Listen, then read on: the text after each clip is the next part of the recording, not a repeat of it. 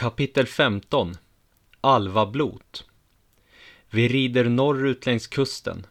Det tar tio dagar och nätter för oss att komma fram till Gefjonsvik. Vi är det första följet av tre som är på plats. Alvablotet är om fem dagar. Gefjonsvikborna arbetar febrilt för att få tingshuset i ordning till blotgillet. Korsbärarna brände den förra blotplatsen, så nu har de byggt en ny. Den ligger precis intill tingshuset, uppe på höjden, och består av fem stycken gudafigurer och ett harg av trä. Gudafigurerna är fem stycken timmerstockar som står lodrätt. Det sticker upp ur marken som fem stycken utsträckta pekfingrar, ungefär två alnar höga. De har alla uthuggna ansikten som ska föreställa gudarnas. Freja, Ull, Oden, Tor och Njord. Att hedra Njord är ganska ovanligt i inlandet, men vanligt längs kusten. Den första natten i Gefjonsvik spenderar jag i en liten träbod som stod öppen. Jag bäddar in mig i min kofäll och min fårfäll. Det är den första bekväma och varma natten på mycket länge. Dagen därpå rider det andra följet in i byn. Det har lyckats betydligt bättre än oss. Det var, precis som oss, ett tjugotal när det började. Nu är det runt 90 stycken. Marken dundrar av alla hovar när det far fram. Efter ytterligare en dag så kommer det tredje och sista följet fram. Även det har lyckats otroligt bra. Det var ett tjugotal då det gav sig av, men nu är det ett åttiotal. Nu är vi inte längre ett följe, vi är en här. Allt som allt är vi runt 200 hedniska krigare. Gefjonsviksborna ser häpna ut när de ser den väldiga massan av beväpnade krigare. Den äldre mannen med grått skägg som verkar vara Gefjonsviks överhuvud går fram och pratar med Blotragnar, som drar sina fingrar genom sitt skägg och småskrattar. Jag står för långt bort för att höra vad de pratar om. Efter ett tag så går Blotragnar iväg. Han går fram till en upp och nervänd eka som ligger och skräpar och kliver upp på den. Lystring hedniska kämpar, ropar han över hela folkmassan som blir tyst. Det är stärkande att se att så många har slutit upp. Vi har dock ett bekymmer. En liten sak. Vi har blivit alldeles för många för att alla ska få plats i tingshuset och för att maten ska räcka. Gefjonsviksborna skulle behöva ytterligare några händer. Jag vill att ni går fram till närmsta kustbo och frågar vad de vill ha hjälp med, fortsätter han. Sedan kliver han ner från den upp och nervända ekan. Jag, Asbjörn och Torgrim går fram till en medelålders man som håller på att tvätta ur ett par stora trätunnor. Det har varit fisk i dem, det känner man på lukten. Asbjörn frågar honom om vi kan hjälpa till med något. Han tänker en stund, sedan säger han att vi kan bege oss upp till tingshuset och hjälpa till med att resa en stor tältduk. Vi går upp till tingshuset på höjden där två män håller på att veckla ut ett stort vitt grovt tyg. Precis utanför porten till huset. Bredvid dem ligger fyra stycken grova timmerstockar. Behöver ni hjälp? frågar jag. Ja, gärna. Vi ska fästa tyget i en timmerstock i varje hörn, sedan reser vi det bara, svarar en av männen. Vi böjer oss ner och hjälper till med att veckla ut det stora tyget.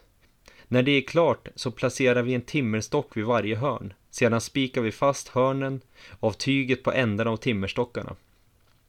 Vi gräver fyra små gropar där timmerstockarna ska stå. Sedan reser vi helt enkelt timmerstockarna och placerar dem i de fyra hålen. Tyget eller tältduken är nu uppe. Många andra kämpar får i uppgift att fiska eller att jaga. Nästan alla är delaktiga.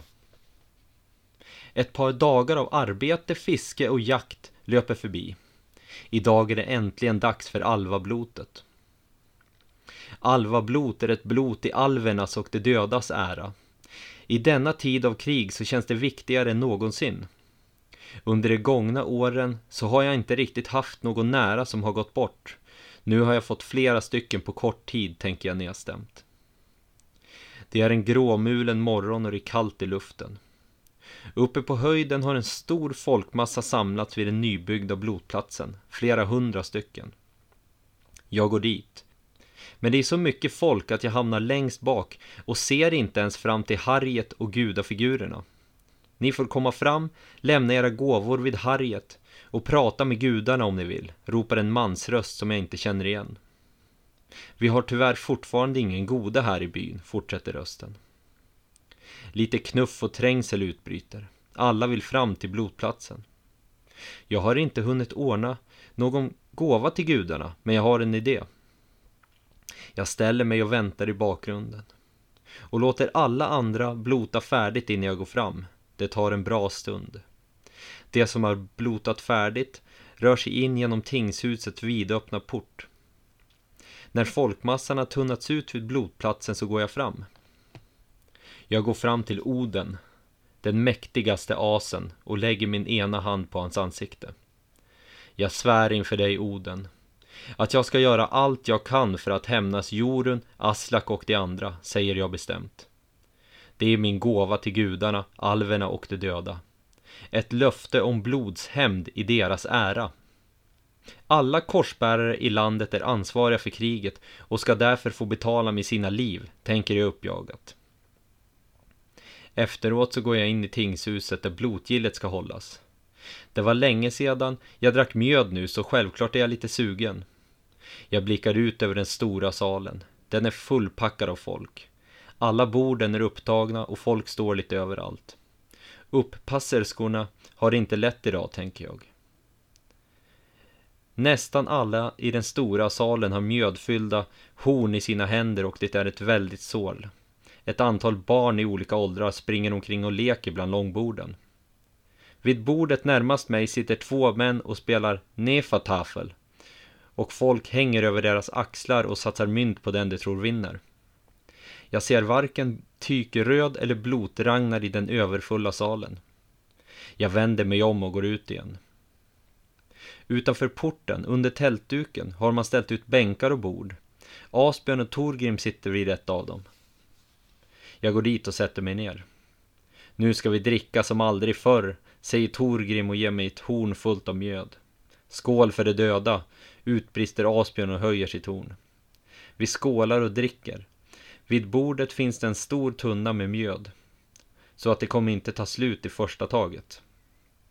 Den här skålen går till Jorun och hennes föräldrar. Aslak, Kråkrune, Skaldsven och de andra som har dött, tänker jag.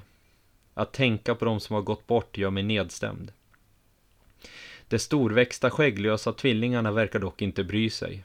De har nog inte förlorat någon närstående, än. Det är ganska kallt ute, men mjödets rus gör att jag struntar i det. Efter ett tag kommer några upppasserskor med tråg full av rökt fisk, hästkött med gräslök och fat med torkat älgkött. De ställer ner allt på vårt bord och vi äter oss mätta. Vad är det för smycken du har hängandes i skägget? frågar Torgrim. Jag drar mina fingrar genom skägget och smeker mina smycken. Den här lilla guldringen tog jag från en dräpt korsbärare på Ulvön i inlandet.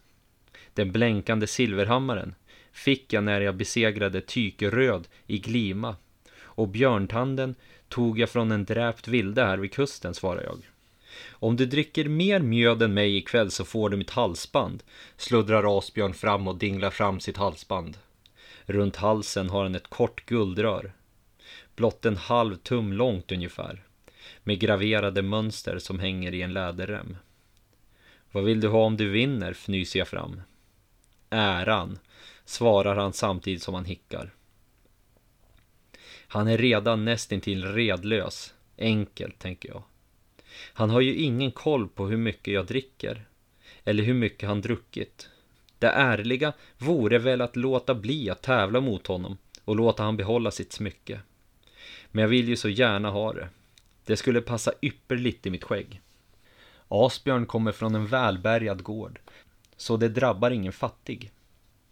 Han ställer sig upp och fyller två stycken horn genom att sänka ner dem i mjödtunnan. Ett till mig och ett till dig, utbrister han och räcker fram det ena hornet till mig. Jag tar emot det. Lugna ner dig nu, du är ju redan stupfull, du kommer ju bara att förlora, säger Torgrim till honom. Asbjörn sveper hornet. Det gör även jag. Samma sak återupprepas sex, sju gånger. Jag börjar att bli riktigt dåsig, men Asbjörn är betydligt värre däran. Dock så trodde jag att han skulle sova vid det här laget.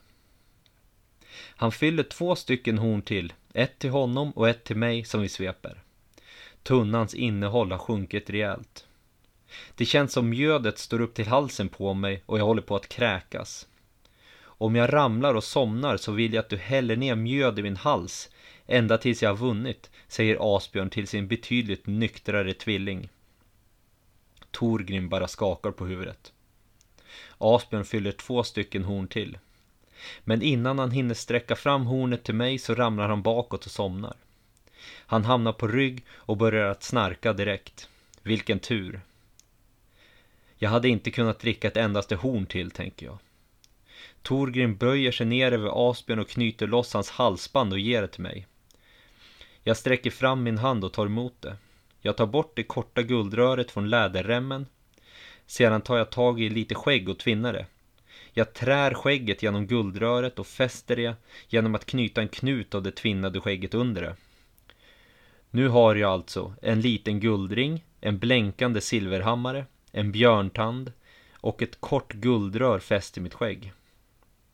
Jag känner mig rejält berusad av mjödet och det är fortfarande mitt på dagen. Asbjörn ligger helt utslagen bredvid bordet och snarkar. Mitt huvud hänger håglöst framåt. Mina ögonlock känns så tunga att jag knappt orkar lyfta dem. Och varje andetag känns trögt och mödosamt. Jag vaknar en stund senare. Jag måste ha somnat av all mjöd. Jag reser mig upp. Solen håller på att gå ner i väst. Det är riktigt kallt ute och mitt huvud dunkar. Min mun är torr och hela min kropp skriker efter vatten. Asbjörn ligger kvar på marken och sover. Torgrim sitter inte kvar. Jag stapplar in i tingshusets stora sal på jakt efter vatten och värme. Huttrandes och med armarna i kors går jag fram och sätter mig vid ett långbord. Det är fortfarande fullt med folk i salen och ett väldigt sorl. På bordet framför mig står det en träbalja med vatten. Jag använder mina kupade händer som dryckeskärl. Efter ett tiotal klunkar så minskar huvudvärken och min kropp frisknar till. Det ligger några brödbitar på bordet som jag bryter sönder och äter upp. En bit bort sitter Idun i Tykeröds knä. De skrattar och ser ut att trivas med varandra. Blotragnar kommer fram till mig. Han har ett horn i sin hand och ser glad ut. Du ser inte kry ut, säger han och lägger en hand på min axel. Jag tittar upp med en trött blick. Vi rider ut imorgon. Så du kanske bör få lite sömn, fortsätter han. Han har rätt.